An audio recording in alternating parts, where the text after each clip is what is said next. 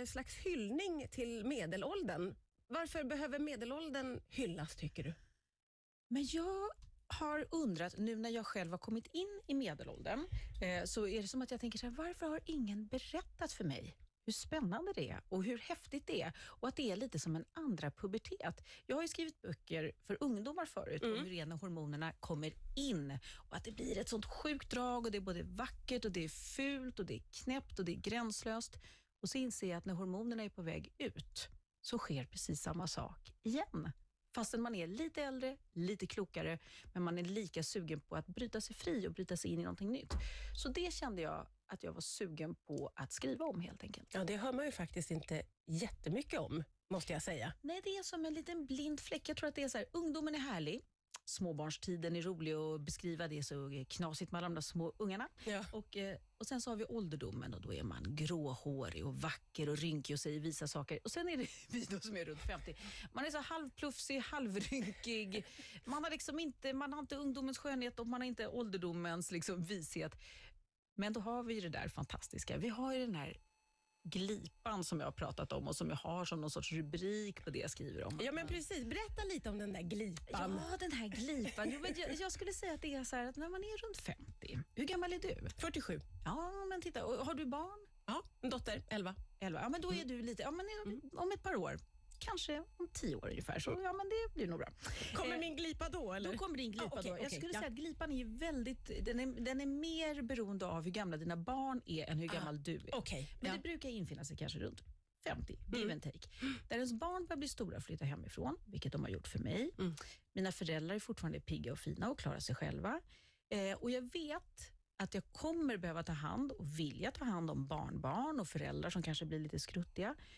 Men just nu, i den här lilla glipan, så klarar sig ungarna själva, föräldrarna klarar sig själva, barnbarnen har inte kommit, jag har ansvar bakom mig, jag har ansvar framför mig. Men precis just här där jag är, så är det bara jag. Det låter ju oerhört underbart, måste jag säga. Hur utnyttjar du det på bästa sätt? Ja, men alltså delvis då så har vi Agneta som är huvudkaraktären i min bok och hon svarar ju på en annons som tar henne ner till en liten by som heter Sant Karel, där hon tror att hon ska ta hand om en liten pojke i ett stort hus, men det visar sig vara en äldre dement herre i ett enormt kloster som mer liknar ett gay paradise. Och för min del så är det faktiskt så att när min yngsta dotter fyllde 18, vilket hon gjorde nu i vintras, så kände jag sådär på riktigt i hela min kropp att någonting hade lättat i mig. Att jag, nu är det klart. Ja. Jag kommer fortsätta att älska och mata mina barn, men jag har faktiskt mer eller mindre, nu är de färdiguppfostrade. Jag kan liksom inte uppfostra dem mer och de klarar sig själva på många sätt.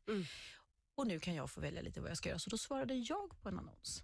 Så Gjorde nu, du det? Ja, så nu är det jag som har svarat på en liten annons. Så jag har nämligen ett Instagramkonto som jag älskar, som ett svenskt par har, som driver ett litet hotell nere i Frankrike. Ja. Och Varje gång jag känner mig att saker och ting känns lite grått och deppigt så går jag in och tittar och åh, det är det här fantastiska hotellet och det är, mm, och det är maten och människorna i den lilla byn. Och plötsligt så står det, hej vi söker folk som kan komma hit och jobba, vill du komma hit och jobba? Och då sökte jag det. Är det sant? fick det jobbet. Nej, men sluta. Okej, vi har mycket att prata vidare om strax här på Rix FM. no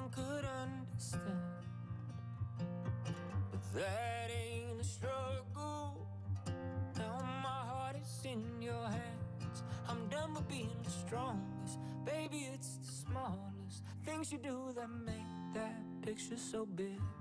I fall for you the hardest, cause you are the perfect fit. So stay with me. And we'll take the road to where it leads. Ain't no guarantees, but if I'm here with you, and if you're here with me, then I got all I need. I'll break and bleed. Yeah, this life can put me on my knees. That don't matter to me, cause if I'm here with you, and if you're here with me, then I got, oh, I got the missing piece.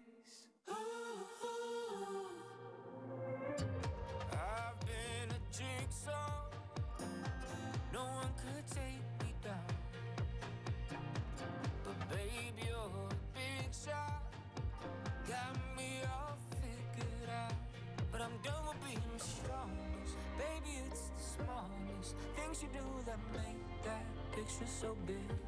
I fall for you the hardest, cause you are the perfect fit. So stay with me,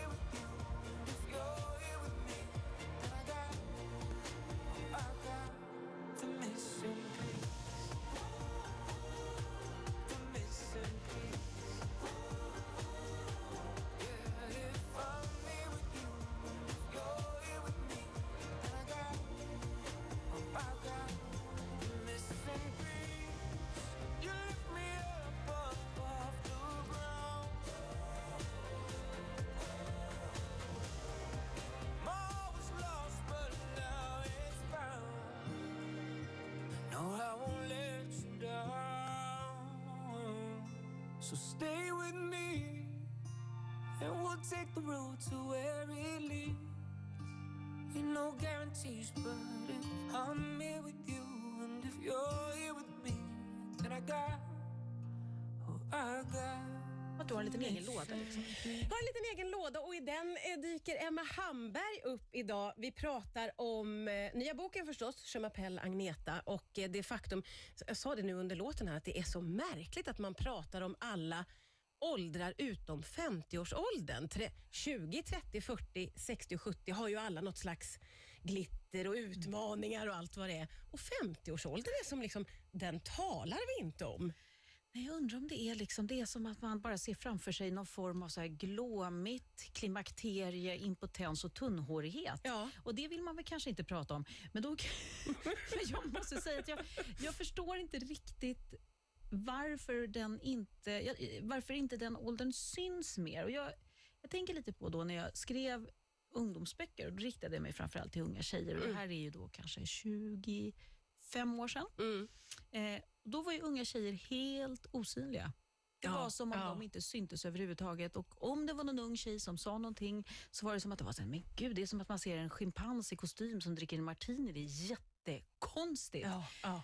Och så började vi skriva för unga tjejer och man började ändra och man började se, förstå att de, de har en röst och man måste snacka om dem och gentemot unga killar och allt möjligt. Och nu är ju unga tjejer en del av vår värld och har en tydlig röst. Och det pratas om både sexualitet och utseende på ett sätt som är friskt och härligt. Mm. Och nu känner jag att det här är lite samma sak för oss 50-åringar som också har varit väldigt osynliga. Och kanske som att det finns någon att det, inte finns, det, det är någon sorts brist på självförtroende i just den åldern, tror jag. För att man är lite mitt emellan. Mm. Och då behövs det ju. Det behövs berättelser om människor i 50-årsåldern, det behövs förebilder, det behövs olika historier, det behövs liksom kärlek, sex, allt möjligt. Och plötsligt så blir det synligt. Ja. Eh, Så jag tänker att eh, let's do this. Och eh, nu är det ju så roligt, då, för delvis har jag då nu då att jag kommer med den här boken Je m'appelle Agneta och att hon ju också ska bli film. ja, men det. Hur känns det? Ja, men det känns ju otroligt kul. Nu då i min mission att göra 50-åringarna synliga så känns det ju fantastiskt roligt att få göra en film om en kvinna i 50-årsåldern som känner sig fullkomligt osynlig, vilket faktiskt den här Agneta gör. Hon känner sig i den här världen där alla pratar om att vilken färg är du? Är du röd framåt eller är du blå och fundersam? Nej, jag är, jag är genomskinlig. Ja. Det är ingen som ser mig. Min man ser mig inte, mina arbetskompisar ser mig inte, mina barn ser mig bara när de vill att jag ska swisha och i annat fall så är jag osynlig. Ja. Och att få följa med henne när hon hittar sina färger och vecklar ut sina vingar och flyger rakt upp, det ska bli jättespännande. Eh, Vilken eh, roll kommer du att spela i det här eh, i filmmakeriet? Kommer du att vara med i det på något sätt? Ja, men jag kommer nog vara med som... Jag har en extrem respekt för att det är en väldig skillnad mellan att berätta historier i böcker och berätta historier i tv-serier och filmer. Det, det är väldigt olika sätt att berätta historier, även om man berättar samma historia. Mm. Så nu har jag skrivit den här boken och jag lämnar med varm hand över till superduktiga manusförfattare. Men däremot så kommer jag ha en liten del som en, man kan säga att jag kommer gå omkring med en termometer. Så jag går ner med den här lilla termometern och så känner man så här, ja men det här är varmt och fint, gud vad bra, mm, fortsätt att jobba. Ja, ja. Eh, och sen är det dags för casting, då går jag ner med den lilla termometern och så blir man så här, ah, det här känns som det är på rätt väg. Bra, eller ah, nu börjar det bli lite kallt, nu måste vi upp på värmen Ja, igen. du får vara med och styra lite så att det blir lite Ja, som det var så- tänkt. Som det var tänkt. Och Ja. Jag tror att i alla historier som jag berättar, vare sig det är på, i tv-serier, eller filmer eller böcker, så känner jag att jag vill att det ska vara varmt, jag vill att det ska vara roligt och så vill jag att det ska vara oängsligt. Så jag tror att det är den termometern som jag kommer sticka ner lite här och var. Man gillar ju, jag, ser, jag ser den bilden framför mig så otroligt, att du går omkring med termometern. Emma Hamberg är med. Ja, det är okej. Kör på bara. Vi fortsätter prata strax här på Rix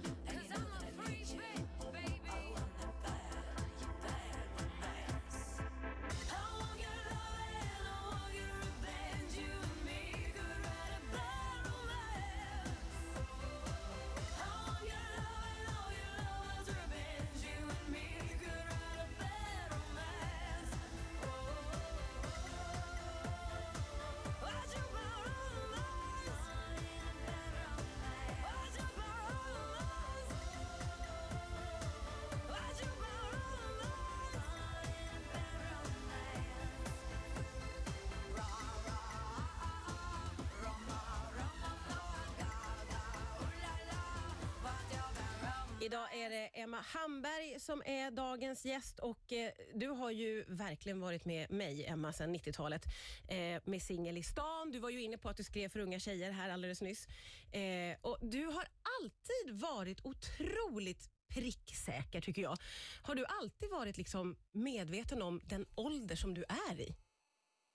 Oj, vilken eh, svår fråga. Ja, det är som... Ja, men åh, vad betyder den frågan? Eller gud, det är som att jag måste tänka. Eller vad tänker du? Ja, men för jag minns ju jätteväl eh, Singel i stan och jag kände, mig, jag kände igen mig och jag kände att du visste exakt vad, vad, unga tjejer tänkte och gick igenom. Och Det var väl mycket det där som du sa, att på den tiden så syntes inte unga tjejer, så det där var magiskt.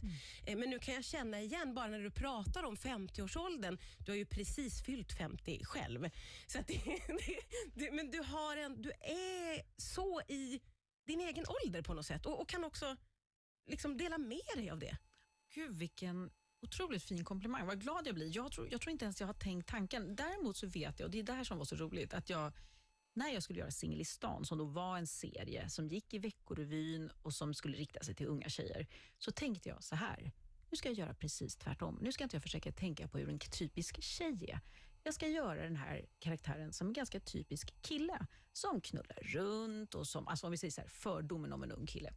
Bara käka pizza, inte orkar städa, helst vill ligga och slappa, snacka relationer. Och så gjorde jag precis det fast det var en tjej. Mm. Och Det som var så roligt var att så otroligt många tjejer kände igen sig. Och Det där säger ju någonting om vad vi har för fördomar om hur killar är, om hur tjejer är, att vi är så mycket större, att vi är på många sätt så otroligt mycket mer lika varandra, Mm. men också att vi är olika varandra. Så jag tror snarare att det kanske är så här att jag är nog väldigt intresserad hela tiden av den ålder som jag är i och jag, vad jag än har jobbat med, jag har ju jobbat med att berätta historier jämt, så gräver jag där jag står. När jag var 14 då gjorde jag serier om hur det var att vara 14. När jag var i 22-årsåldern tecknade jag serier om hur det var i 22-årsåldern och sen började jag skriva böcker och då handlade det om småbarnstid. Så att jag har nog tyckt det varit väldigt spännande med att titta på vart jag är i ålder och även titta utanför ramarna Mm. och pröva hur det är att vara utanför ramen. Och Jag tror att ganska många av oss egentligen längtar efter att kliva utanför ramen och eh, att det är tacksamt just därför att berätta om människor som gör det. Mm. Som, eh, eh, som den där Agneta till exempel då, som känner sig osynlig och som faktiskt tar sig ner till Frankrike och startar ett Alltså hon gasar ju in i något helt nytt där nere med Mm. dement äldre herre. Och eh, om det kan få några människor att känna att ja, men vad fan, om man kanske skulle ta och svara på en liten annonsjävel, Ja. då har man ju gjort någonting. Så jag skulle nog säga kanske att jag är medveten om min ålder, men också medveten om hur ramarna ser ut. Och tycker det är väldigt spännande att kasta ut mina karaktärer och även mig själv utanför ramen. Innan du går måste jag ju fråga lite mer om den där annonsen som du har svarat på. Vad innebär den egentligen? Jag Den innebär att jag ska åka ner till det här lilla hotellet i Långdok. Jag ska jobba gratis, jag ska bo gratis och jag ska äta gratis. Och jag ska plugga franska hos en liten sträng dam som bor i byn och som är fransyska. Och sen så ska jag fundera på fortsättningsromanen till Agneta. Agneta nummer två helt enkelt. Gud, det låter ju underbart. Ja, men visst gör börjar jag också fundera på om man ska, åtminstone ska läsa några annonser. Ja, men jag börjar några. där. Läs några annonser och så ska man komma ihåg att just sånt här kan vem som helst göra. Det kostar ingenting. Det Ah, underbart. Så roligt att få träffa dig, Emma Hamberg. Tack snälla för att du kom hit idag. Boken den heter Je m'appelle Agneta. Tack. Sometimes I'm lost and feeling low. The waves rush in, it's like I'm drowning. From home, I can't forget that I'm surrounded. But you were my sunshine in the open sky, moonlight on my darkest nights. The sky is brighter when you're here. And if I fall down a little, I know